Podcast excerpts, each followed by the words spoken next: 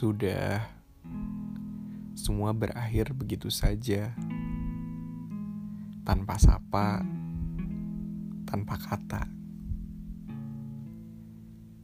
Yang ada hanya menyisakan sedikit kesedihan, bahkan luka perasaan.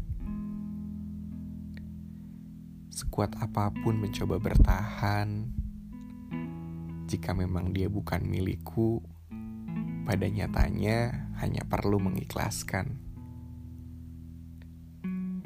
Karena tidak semua yang hadir itu pasti dipasangkan.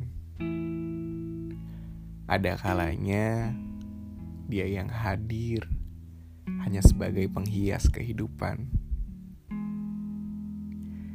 Yang ingin aku ucapkan hanya rasa terima kasih karena telah sudi berbagi kasih mengasihi tanpa pamrih.